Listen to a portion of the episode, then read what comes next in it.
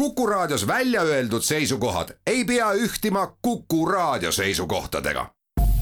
Te kuulate Kuku Raadiot.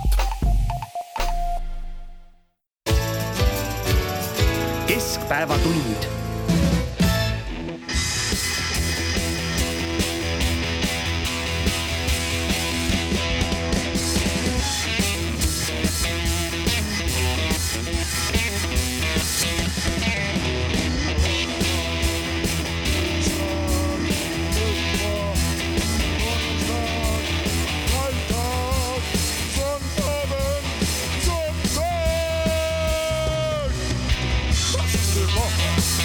système en haine, le système en haine, le système en haine, le système en haine, le système en haine, le système en haine, le système en haine.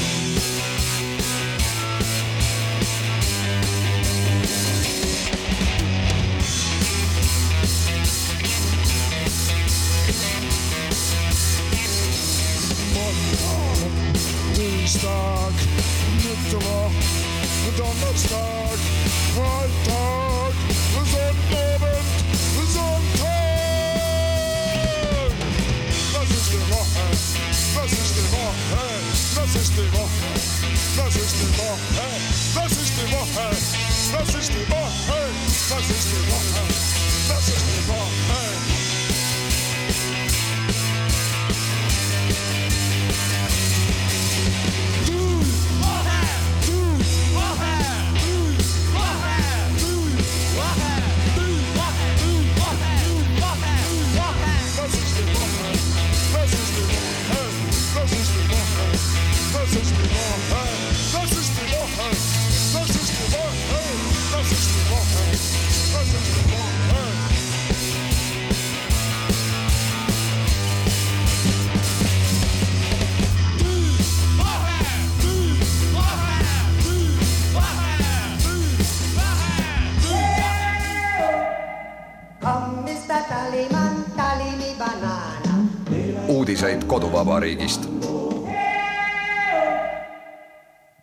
on Kuku raadio ja siin on Keskpäevatund, aga seekord sugugi mitte Tallinnast ja mitte Tartu maanteelt, vaid hoopis Tartu linnast, kus me oleme avalikul salvestusel, mis toimub siis Tartu aparaaditehases ja Tartu aparaaditehas on selline koht, kus on igasuguseid kummalisi aparaate kokku pandud aja jooksul, nii musti kaste kui kindlasti ka teistsuguseid kaste. oleme sel-, sellises äh, vanas koorunud värviga kõledas ruumis, mis meenutab natukene äh, pommivarjendit, aga see lähebki praeguse ajavaibiga päris hästi kokku. ja meie esimene lugu oli siis samuti ajastu hõnguline, see oli ansambli Propeller lugu Die Woche, mida laulis praegune Tartu vaimukandja Peeter Volkonski ja see saksakeelne laul oli meie poolt irooniliseks tervituseks siis Eestit külastanud Saksamaa välisministrile Anne Baerbockile, Saksamaa suursaadikule ja kahtlemata ka Saksamaa kantslerile Scholz, Otto Scholzile, kes kõik on Ukraina abistamisel väga edukalt jalgu lohistanud ja jäänud kaugele maha isegi sellisest väiksest riigist nagu Eesti, kes on andnud maailmas praktiliselt ühe inimese kohta kõige suuremat abi nendele inimestele, kes peavad Ukrainas võitlema Vene agressiooniga. ja täna räägime siis äh, kolmekesi nagu tavaliselt, mina olen Priit Hõbemägi, minu kõrval istub Ainar Ruussaar ja kuna me oleme Tartus, siis spetsi-, spetsiaalne ja ka väga spetsiifiline Tartu külaline Neinar Selig. Einar, kas sa tead, kuidas sind kutsutakse Tartus? ei tea, aga Tartu kunn. aitäh, et head veteranipäeva siis ka minu poolt.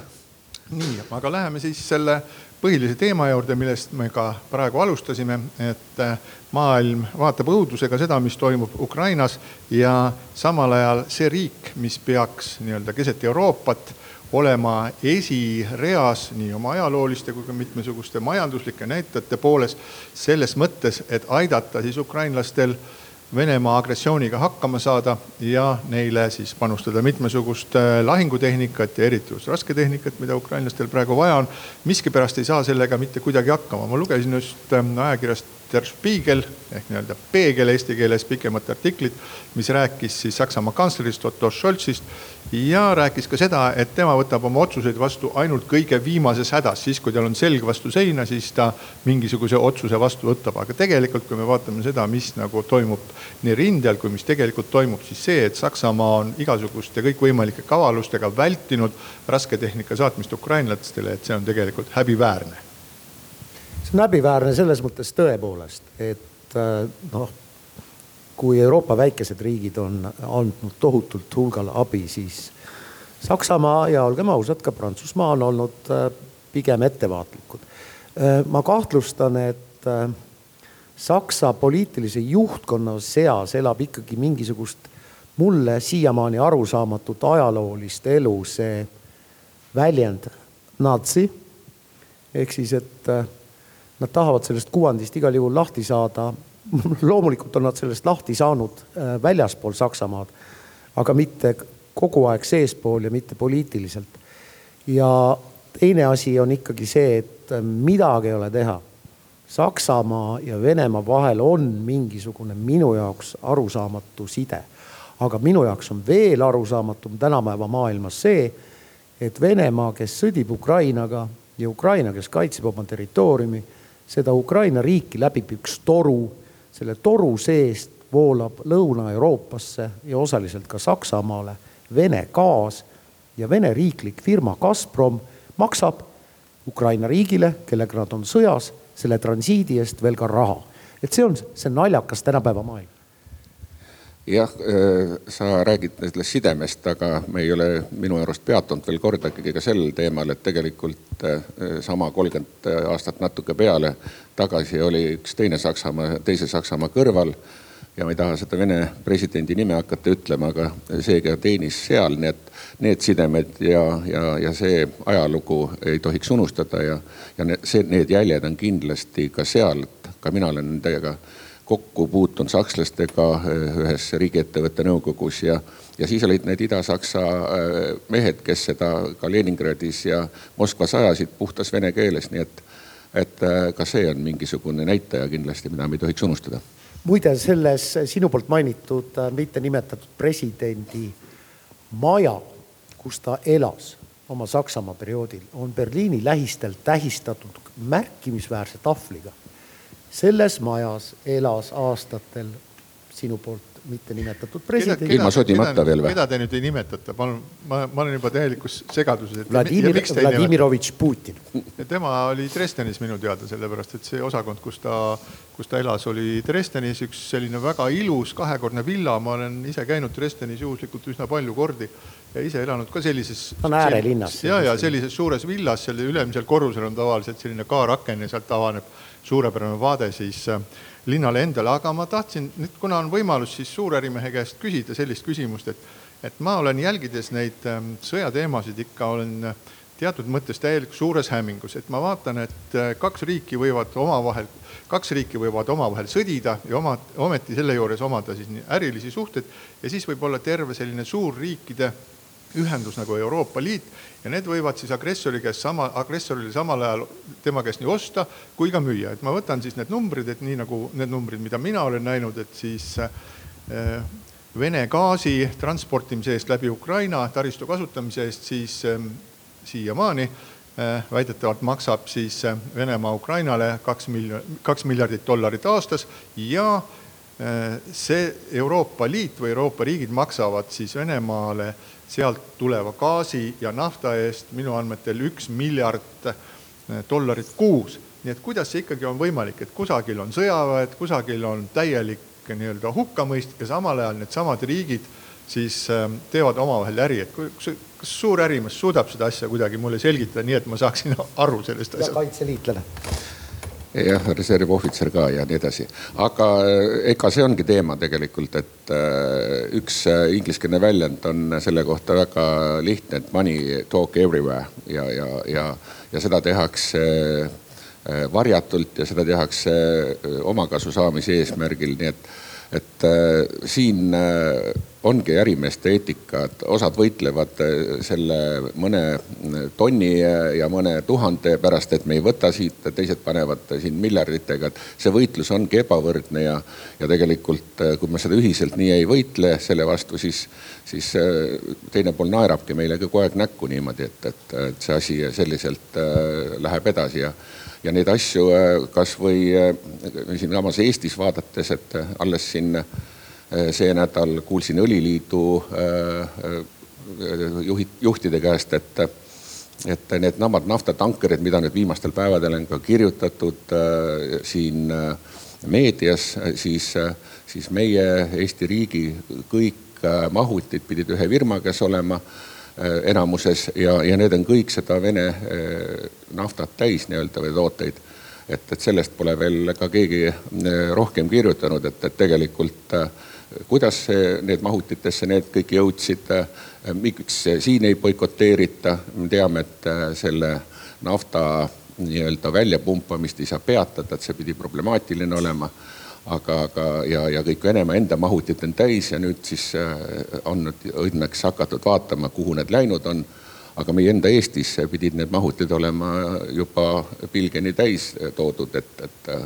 see on üks uurimisteema, mis võiks, võiks nagu lahti lõhkuda. nojah, vaata kõik see, mis on Venemaalt toodud enne äh, viimaste sanktsioonide paketi kehtestamist, äh, noh, ma ei ole seda meelt, et kõik see tuleks ära põletada või, või maha valada või,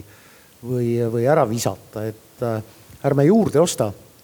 müüme selle maha, mis on müüdud. ma pean tunnistama, et mina olen olnud aastakümneid suur mineraalvee Boržomi fänn ja olen kogu aeg arvanud, et äh, ja olen ka Boržomis käinud Gruusias korduvalt ja olen kogu aeg arvanud, et see, mida ma poest pudelist ostsin, kordan, ostsin, oli Gruusia toodang, aga seda enam ei saa osta, sest see oli Vene firma. nii et äh, hüvasti Boržomi no jaa, aga kui sa sõidad näiteks autoga ja sinu autol on all Nokia rehvid, mis just nagu oleks Soome firma, aga tegelikult see tuhkagi see, et firma on justkui Soome oma, aga rehvid tehakse kõik siis äh, Vene tehastes ja teatavasti Nokia on üks siis nendest äh, ettevõtetest, kes ei ole lõpetanud oma äh, tegevust, vähemasti minu viimastel andmetel ei ole lõpetanud oma tegevust Venemaal, kuigi väga paljud firmad on sealt lahkunud. Ja, ja kui jälgida neid uudiseid, kuidas siis nii-öelda äri poole pealt, kuidas ähm, siis ettevõtjad ja, ja firmad ähm, avaldavad oma protesti, siis ju esimese lainega väga paljud ütlesid, et nad tulevad sealt ära, siis ähm, nüüd on äh, aeg-ajalt ilmunud mingid teated, et kas seal üks või teine või kolmas firma siiski jätkib, jätkab tegevust. ja ma olen nagu hämmastusega neid teateid lugenud ja siis alles pärast seda, kui ma olen nagu selle informatsiooni endale nagu sisse võtnud siis ma saan aru, et oot-oot-oot, et see võib olla väga hästi mingisugune infooperatsioon, et see, see absoluutselt, see ei pruugi vastata tõele, sellepärast et ähm, kahjuks tuleb öelda, et väga tihti on Eesti, Eesti ähm, ajakirjanduses selline probleem, et äh, uudisinformatsioon, mis paistab hetkel olevat selline noh, nagu põnev ja huvitav ja lööb nagu naelapea pihta, et selle taust tegelikult jäetakse kontrollimata, et ega siis äh, need äh, Vene infooperatsioonide uudised ei pruugi tulla siis sugugi näiteks Moskvast või Peterburist, et nad võivad tulla kusagilt Londonist, nad võivad tulla näiteks ajalehest Independent või Evening Standard, mis kuuluvad suures osas siis Vene rikastele inimestele, et kahtlemata selliseid asju kasutatakse sellise, seda nimetatakse selliseks infopesuks, et mingisugune informatsioon, mida on vaja teisele riigile ette, ette siis sööta, aga selle riigi usaldusväärsus on madal, et siis avaldatakse kuskil mõne sellise riigi väljaandes, mille usaldusväärsus on kõrge ja siis on teada, et ta jõuab nagu poole päevaga, jõuab sinnasamasse tagasi. ma pean tunnistama, et ma ise olen püüdnud anda oma väikest osa, et ma olen suur äh, EKO jalanõude austaja ja olen neid kandnud aastaid ja, ja nüüd pärast seda, kui siis paljud minu tuttavad jagasid Facebookis selliseid äh, selliseid kirju, et nad, EKO teatavasti oma tehaseid Venemaal kinni ei pannud ja siis, kui inimesed küsivad, et miks te siis jätkate nii-öelda tegutsemist Venemaal, siis vastab, vastab see Taani firma neile, et vaadake, et me hool, tahame hoolitseda kõiki, meil on inimesed väga tähtsad ja me tahame hoolitseda kõikide nende inimeste eest, kes töötavad meie tehastes seal seal Venemaal ja sellepärast me ei saa oma tehaseid kinni panna, aga me oleme samas, me oleme väga tugevasti selle Ukraina sõja vastu ja nii edasi ja nii edasi ja, ja inimõiguste poolt. no ega siin ja neid inimesi, kes on selliseid kirju saanud, neid on üsna palju, mis minu jaoks on nagu täitsa nagu hämmastav lugu. ja siis ma mõtlesin, et äh, tahtsin endale selliseid suvetossusid osta, et millega oleks mõnus suvel käia ja olin just enne seda juhtumit käinud EKOs ja vaatasin väga ilusad sellised äh, head, head valged pehmed tossud olid, siis ma mõtlesin, ei osta. Lihtsalt ei osta, see on minu väike protest. mitte suur, aga pisik, ei lähe, ostsin ühed teised ja kui inimesed äh, ja, ja point on selles, et inimesed saavad ka nagu oma sellist nagu seisukohta või oma noh, mitte nüüd poliitilist seisukohta, aga oma inimlikku seisukohta väljendada selle järgi, et mida nad tarbivad ja mida nad ei tarbi. et olgu see siis Borjomi või Eco jalanõud, aga, aga mingisugust väikest mõju me suudame avaldada ka suurtele asjadele seda me suudame tõesti igaüks ja, ja, ja kui me nüüd tõesti mõtleme sinu selle ettepaneku peale, siis äh,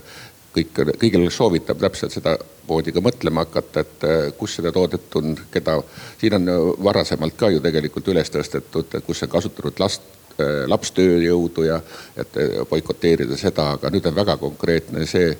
näide, et, et teiselt poolt, et äh, meie sama idanaabri kaudu tulevaid asju. Ja seda, mida suurema rinde me siit nende boikoteerimise vastu teeme, seda, seda suurem on ka see mõju sinna ladvikule, sinna Kremlisse, nii et selline käitumine peaks oma tulemused ikka lõpuks andma. mehed, mulle muidugi meeldib teie optimism, aga see ei rakendu sajaprotsendiliselt mitte kunagi. näidake mulle ühte inimest, meie kolme hulgast või siin saalis, kes läheb õhtul poodi, taskus kaheleheküljeline tihedat kirja täis nimekiri kaupadest, teenustest, mida ei tohiks või mida on kahtlane tarbida. mina arvan, et sellist inimest ei ole olemas no, no. Priit välja arvata võib-olla. no ei peagi olema nimekiri lihtsalt, ega siis äh, me ei jõua ka nagu lõputult kaevuda mingisugustesse sellistesse detailidesse, et me elame ka nagu kõik, me elame oma elu, aga kui me tahame ka peale selle, et me deklareerime oma, oma mingisuguseid väärtusi, et mis on inimlikud väärtused, kuidas me saame kellelegi nagu kuidagi aidata kaasa nendele inimestele, kellel läheb parajasti kehvasti, et siis need väiksed teod ongi need, mida me teha saame, et minul on näiteks.... sellega ma olen absoluutselt nõus, jah. just nimelt, et äh, siin äh,. see on igaühe panus niimoodi et Neinaril on rinnas väike viie, viieeurone siis nii-öelda sõjaveteranide toetamise märgike, minul on, minul on rinnas Ukraina lipu, lipulindike, mille eest ma olen ka maksnud ja aidanud ukrainlasi nii nagu, nii nagu ma vähegi oskan oma väheste, väheste oskustega, aga point on selles, et, et me kõik suudame midagi, me kõik saame teha midagi natukene ja kui me kõik midagi natukene teeme, siis seda on juba kokku palju, sellepärast et tõsi on ju ka see, et noh, et tihtipeale suured, suured äh, kontsernid või korporatsioonid, äh, kes on, ütleme kasvõi aktsionäride surve all, kes nõuavad neilt mingisugust kasumit, et nad ei taha nagu poliitiliselt asja endale külge võtta, see on üks asi. Ja teine asi on see, et kuna maailm on siis nagu nii mitmekesistunud, et siis on väga palju sellist kraami, milles on, mis ei olegi nagu tehtud näiteks seal, ma ei tea, Venemaal või mõnes, äh, mõnes sellises diktaatoril või ma ei tea, Süürias või Eritreas, aga seal mingisugune komponent on ja, ja see, see omakorda viib nüüd küsimuse selleni, et sa mingisugusel hetkel sa ei suuda nagu eristada, et sa pead hakkama mõtlema, et, et kas see kriitiline komponent, kas see Venemaa komponent näiteks on piisavalt suur või, või ei ole, et kui me võtame siin enne rääkisime sellest äriajamisest nende riikide vahel, siis kui me meenutame teist maailmasõda, siis näiteks suur osa, me teame seda, et Rootsi oli äh, neutraalne riik, nüüd nad kaaluvad küll NATO-sse astumist, aga see neutraalne riik, kes on väga suur terasetootja, selles riigis toodetud kuullaagrite peal veeres terve siis Natsi-Saksamaa kõik tankid, kõik autod, kõik masinad veeresid nende kuullaagrite peal. ilma nendeta Saksa sõjamasin poleks töötanud. muuhulgas on praegu tekkinud samasugune huvitav olukord, tuleb välja, et äh, Venemaal kuullaagrid. Ei toodeta, kõik kuullaagrid, millega siis Vene tankid ja muud masinad sõidavad, kõik need on välismaalt sisse ostetud ja praeguses nii-öelda selles embargo tingimustes on ka täiesti võimalik see, et kõik need masinad või suur osa nendest masinatest, mis seal kuskil möörgavad Ukrainas, et ühel hetkel on neil kuullaagrid läbi ja nad lihtsalt ei sõidagi kuskile enam. jah, kui sa sõja juurde tulid, siis äh, tuleme tänapäevase sõja juurde ja Saksamaa kontekstis tagasi, et noh, Euronews on vahele jäänud mitmete võltsuudistega ja ka sinu poolt varem mainitud päris soliidsed väljaanded on avaldanud sellist kahtlast informatsiooni. aga informatsioon, mis pärineb äh, Saksamaa välisministri suust, mida ta on öelnud siin Tallinnas näiteks noh, ähm, selles ju ei tohiks kahelda ja ma juhin tähelepanu, kuulajate tähelepanu ühele asjale. Saksamaa välisminister poetas ühe lause pressikonverentsil Tallinnas, et Saksamaa ei saa Ukrainat relvadega aidata, sest neil endil ei jätku piisavalt relvi. ja kui siis üllatunud ajakirjanikud kergitasid kulme ja küsisid, kuidas Saksamaal ei jätku relvi, tänapäeva Saksamaal, NATO liikmesriigis, siis äh, nende välisminister silus ja ütles, et ei, ei, meil nagu relvi nagu isegi on, aga me Leopard tanke näiteks ei saa Ukrainale anda, sellepärast et neil piisab,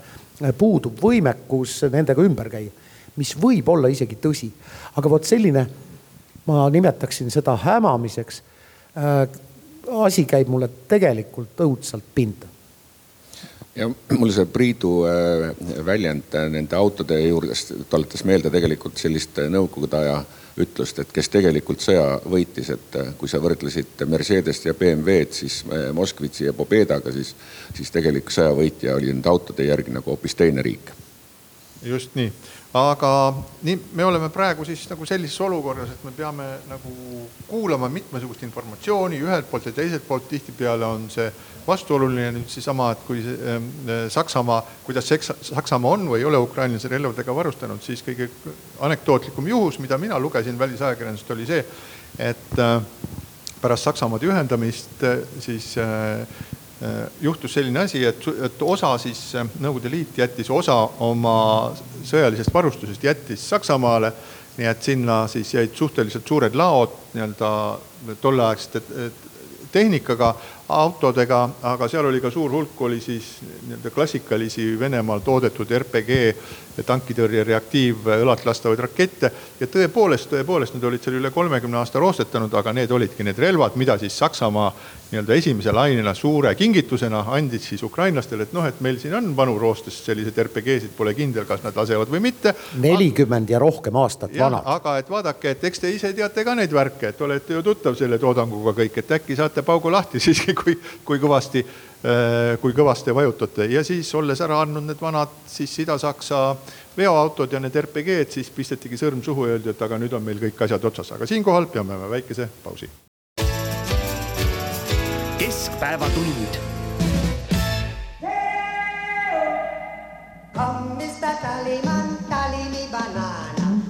uudiseid koduvabariigist. ja Keskpäevatund jätkab, täna oleme eetris Tartust, oleme eetris Tartu aparaaditehasest, kus aegade jooksul on palju kummalisi aparaate kokku pandud ja meil on siin ka publik, inimesed nihelevad mugavatel pehmetel toolidel ja ootavad kannatamatult, millest me nüüd edasi hakkame rääkima. aga räägime sellest, et äh, lõpuks ometigi sai Riigikogu hakkama sellega, et nad suutsid vastu võtta seaduse või seadusemuudatuse, mis siis lõppkokkuvõttes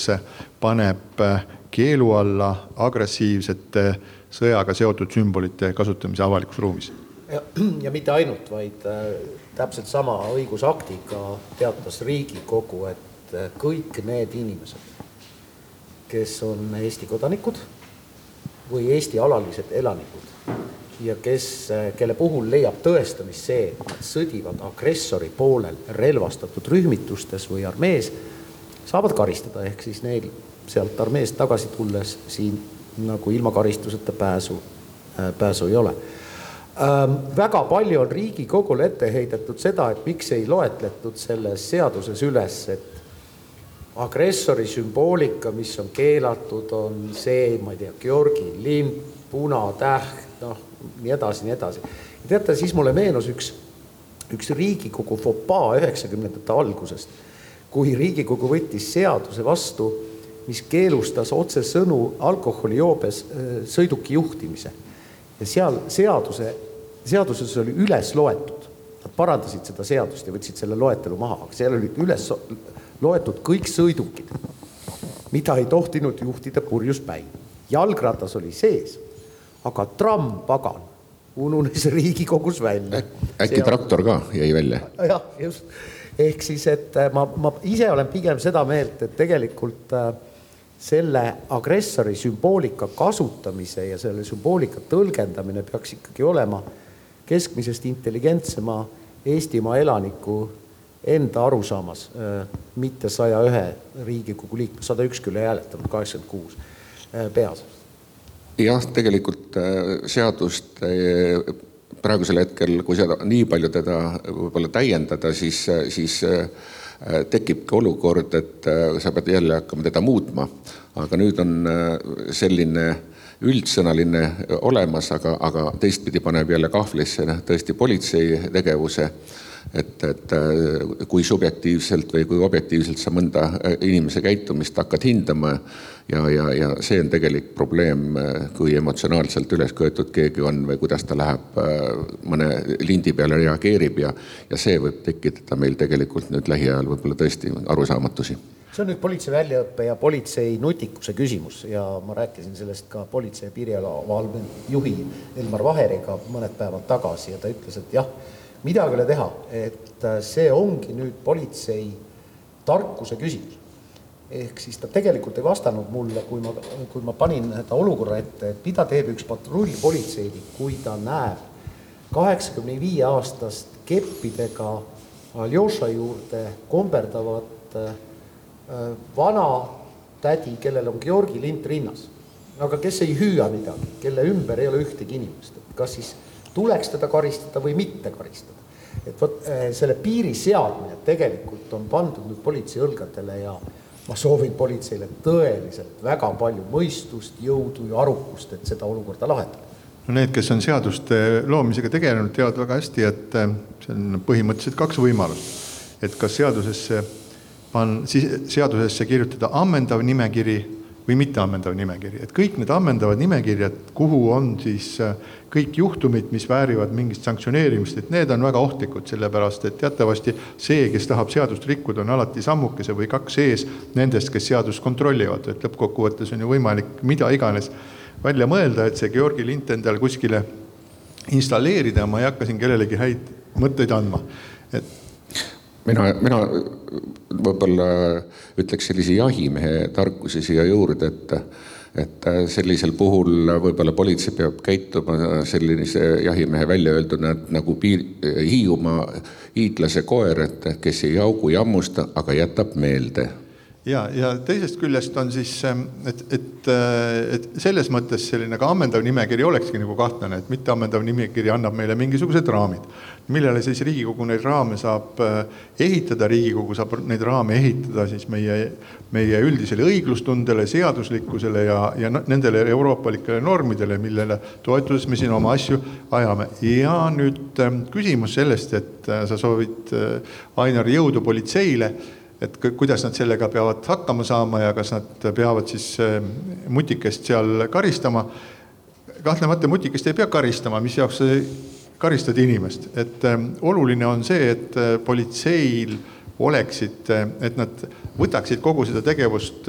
noh, ütleme niimoodi südamega, et nad tahaksid seda asja ajada, mitte lihtsalt, et see on mingisugune selline asi, mis noh, näed, nüüd tuleb see ka ära teha, aga laiemas mõttes on see me, eh, kajastab see omakorda või peegeldab meie usaldusväärsust eh, meie korrakaitseorganite vastu. et kui me hakkame arutama, et ei tea, kas politsei ikka hakkab neid asju tegema või ei, või ei hakka neid asju tegema, siis see tähendab seda, et me tegelikult, me, me ei usalda oma riigi korrakaitset, et me ei usalda oma politseid, me arvame, et nad on laisad, lohakad või võbelevad, aga minu meelest on see nagu vale, vale seisukoht, et mida me võiksime teha, et me peaksime olema nagu äh, aitama oma usuga neid inimesi, kes satuvad tõenäoliselt, mundris inimesi, kes tõenäoliselt satuvad väga keerulistesse situatsioonidesse, kus neid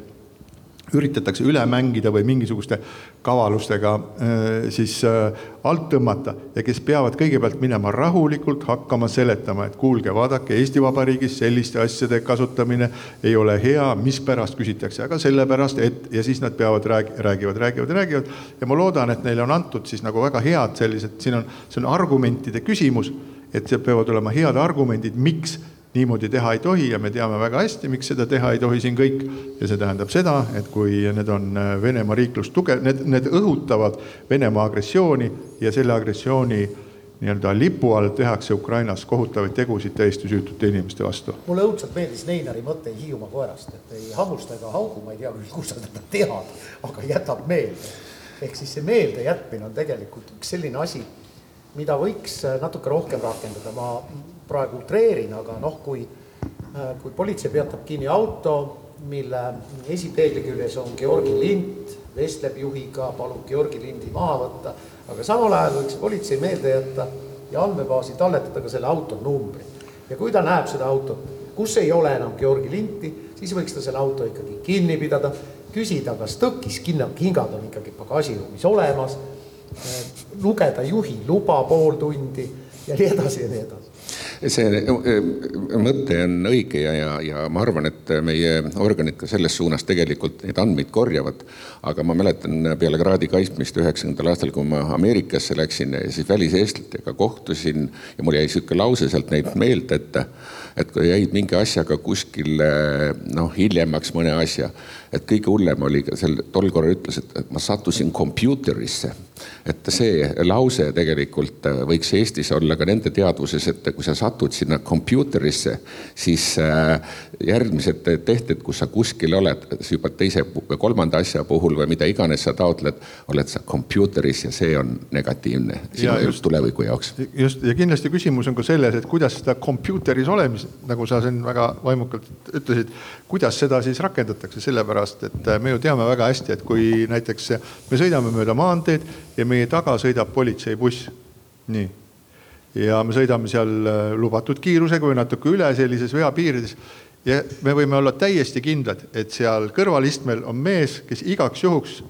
tal on läpakas kogu aeg lahti, kes paneb meie numbri sinna sisse ja vaatab, kes, kelle nimel on registreeritud, kui vana see auto on, kas see on mõne firma oma. kas ülevaatus on tehtud? kas ülevaatus on tehtud või ei ole? millised kus... on eelnevad karistused? millised on eelnevad karistused, sellest tegelikult selles mõttes me oleme siin kompuuteris äh, sees juba väga kõvasti, et küsimus on lihtsalt selles, et kas sinna kompuuterisse, et tehtaks ka märk, et näed, et Sinder sõitis ringi Georgi lindiga, aga sellega seoses tuli mulle meelde üks selline klassikaline juhtum nendest Ameerika Ameerika filmidest, Ameerika politseifilmidest, kus siis ütleme, kanname selle siis nagu Eestisse edasi, selle juhtumi, et peetakse maantee peal auto kinni ja seal on Georgi lint ühesõnaga ja siis ja, ja siis ähm, politseinik läheb, küsib, et miks teil see siin on, ta ütleb, et oi, et aga mis, mis asi, et no Georgi lint, et teil on siin nagu see on, see on meil keelatud. ei no keelatud, ma ei, ma olen värvipime, ma ei tea, et see on mingi mustvalge lint, et mis lolli juttu te ajate. ja selle peale ütleb politseinik, et kahjuks te ei saa enam edasi sõita, teie auto pole korras. mis mõttes pole minu auto korras, küsib juht. politseinik läheb auto ette, lööb kumminuiaga ühe tule katki ütleb, väga lihtne, teil on üks tuli katki, sellepärast ei saagi edasi sõita. nii. aga kaks tarka meest on mu kõrval, enne kui me pausile läheme, oskate te kindlasti lühidalt äh, mulle ja võib-olla ka paljudele kuulajatele ära seletada, miks EKRE ei hääletanud selle seadusemuudatuse poolt ja, ja selle vastu hääletas kolm EKRE parlamendiliiget. äkki nemad tahavad ka tähelepanu, nagu äh, politseinik läheb, peab ka mingisuguse mul on selle kohta, mul on selle kohta terve teooria, ma haudusin selle välja autosõidul Tallinnast siia Tartusse ja ma räägin sellest pärast lühikest pausi ja paus algab nüüd. keskpäevatund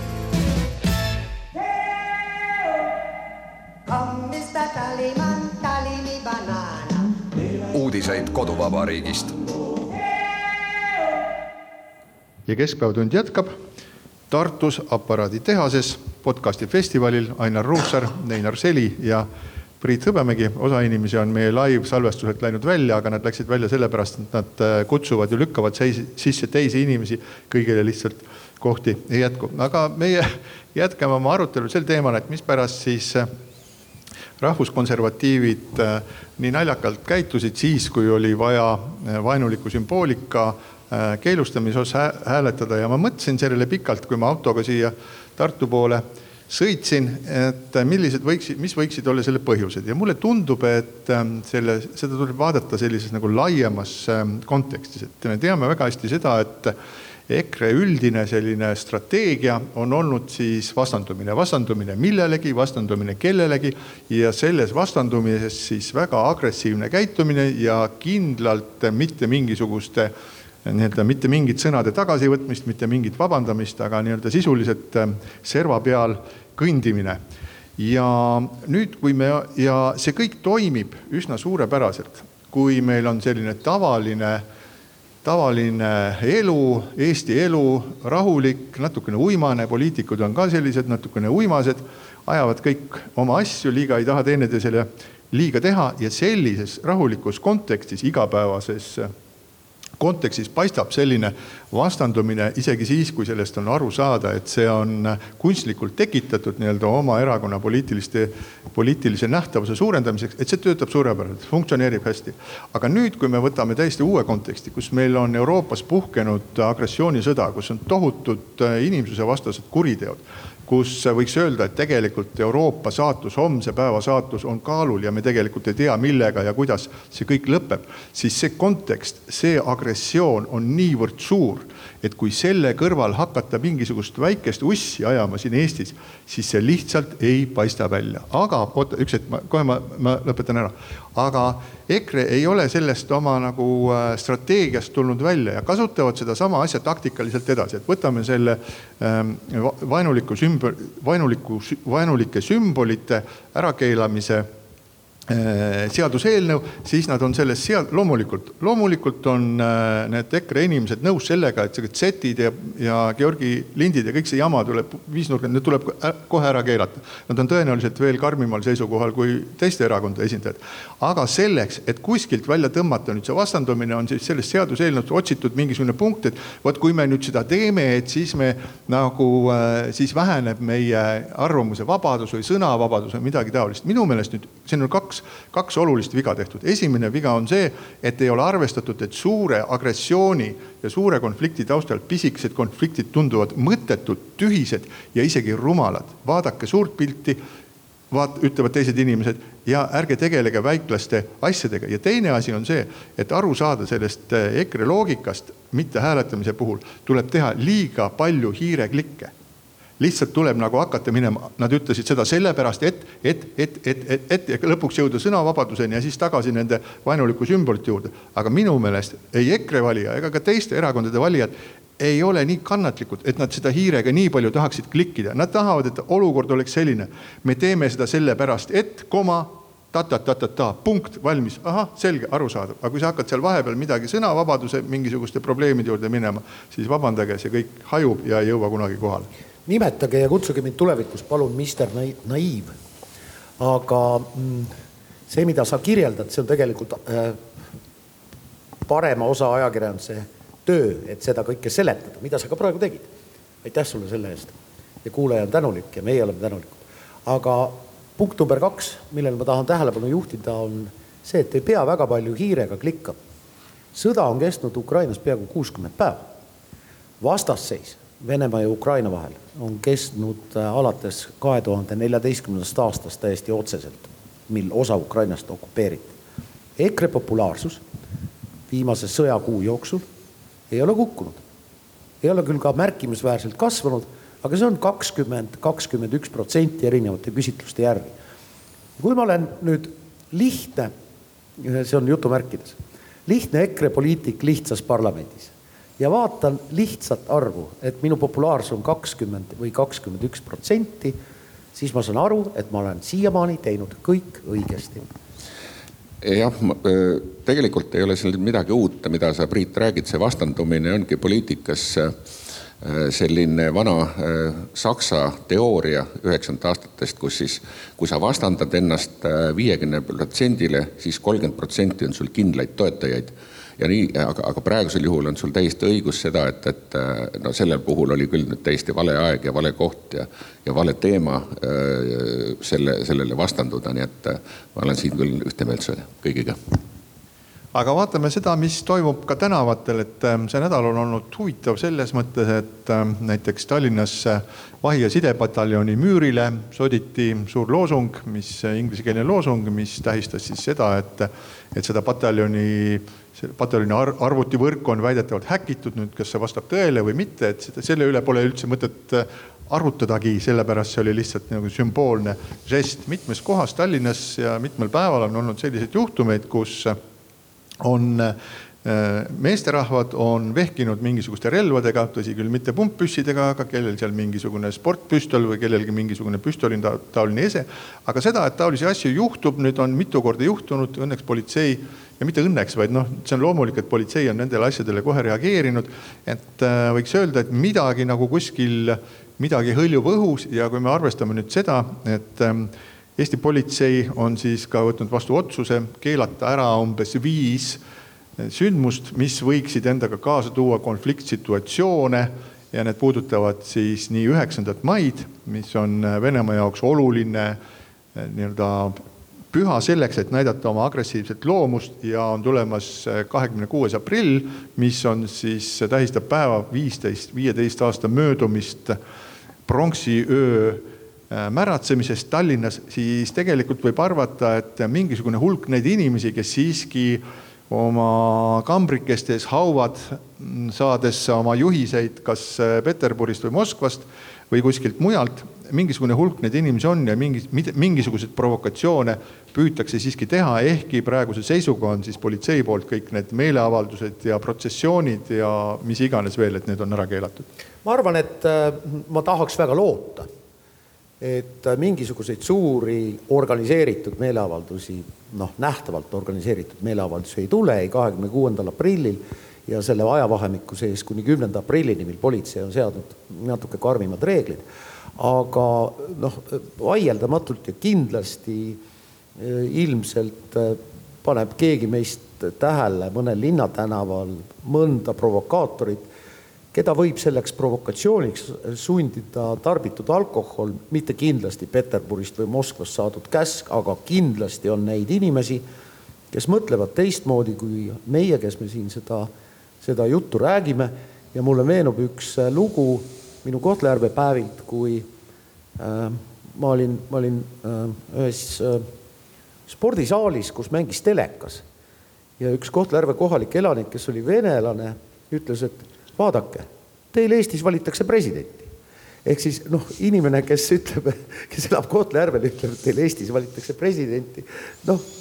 temalt võib oodata igasugust lollust ja jama siin me jõuamegi tegelikult selle juurde, mis on ka siin äh, lähinädalal tagasi võib-olla vaadatuna äh, teemaks olnud, et meil on vaja paar äh, näidist ja seadus võimaldaks nendel inimestel, kellel on ajutine elamisluba või või siis ka sinna juurde antud veel mingi pass, halli passi kõrvale, et selle, kui sa võtad paaril inimesel äh, selle ära ja saadad teisele poole Peipsi järve tagasi, siis äh, see distsiplineerib, äh, need näited distsiplineerivad võib-olla kõige rohkem. absoluutselt ja distsiplineerib ka seesama, millest me varem rääkisime, et kasvu kui, kui sul ikka kolm korda nädalas politsei küsib ja peatab su auto ja küsib, kas sul tõkiskingad on või kui sa taotled uut elamisluba, aga sa oled varem pildile kompuuterisse,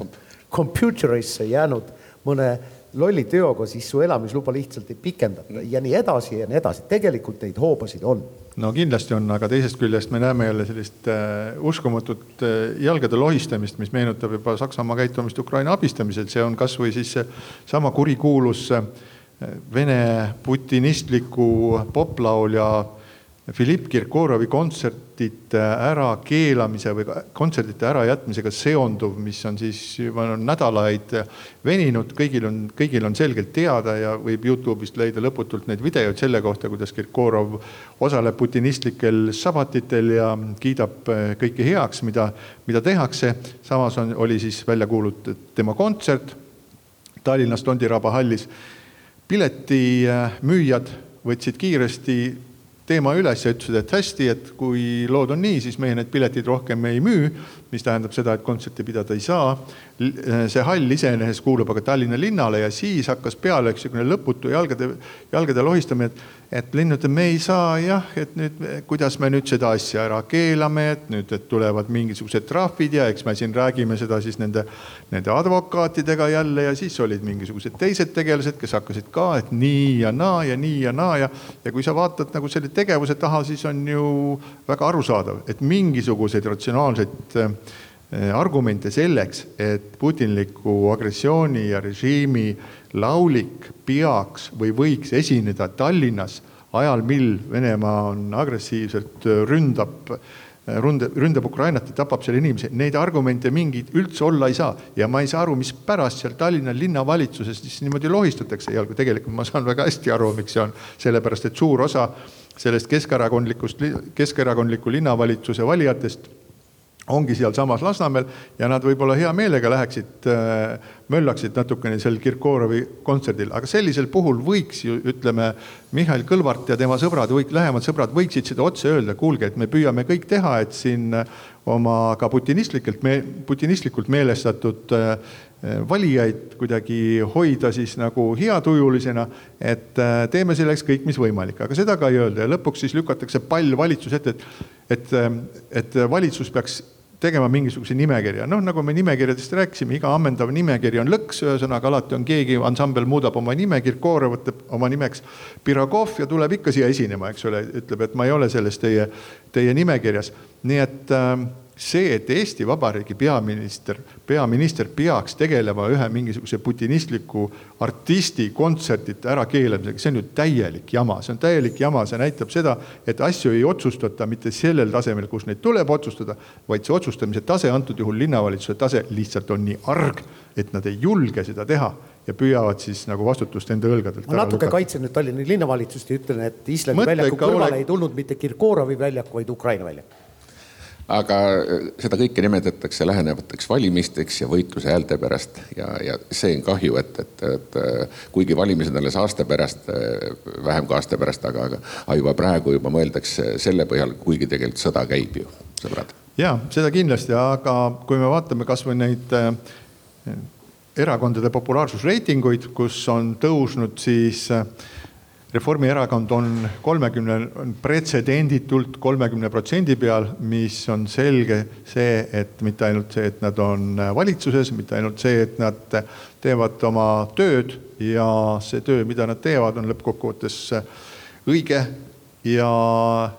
ja, ja väljendab ka seda, mida avalikkus, avalikkus soovib. ka see, et peaminister Kaja Kallas on osutunud erakordselt heaks esinejaks välismeedias. Ja ma saan aru, et nii mõnelegi teisele erakonnale teeb see, teeb see kohutavat tuska, sest nad tunnevad, et nad on kõrvale jäetud ja ka Keskerakond, Keskerakonna maine on uskumatult madal. mis saab EKRE mainest, eks me seda vaatame, protsessid on pika vinnaga, aga igal juhul lõpetame täna oma saate siit ähm, Tartu podcasti festivalilt, sellest äh, kummalisest armastuse saali saali nime kandvast ähm, koorunud värviga koopast või pommivarjendist. täname kõiki täna kuulamast ja kohtume taas nädala pärast juba Tallinnast. keskpäevatund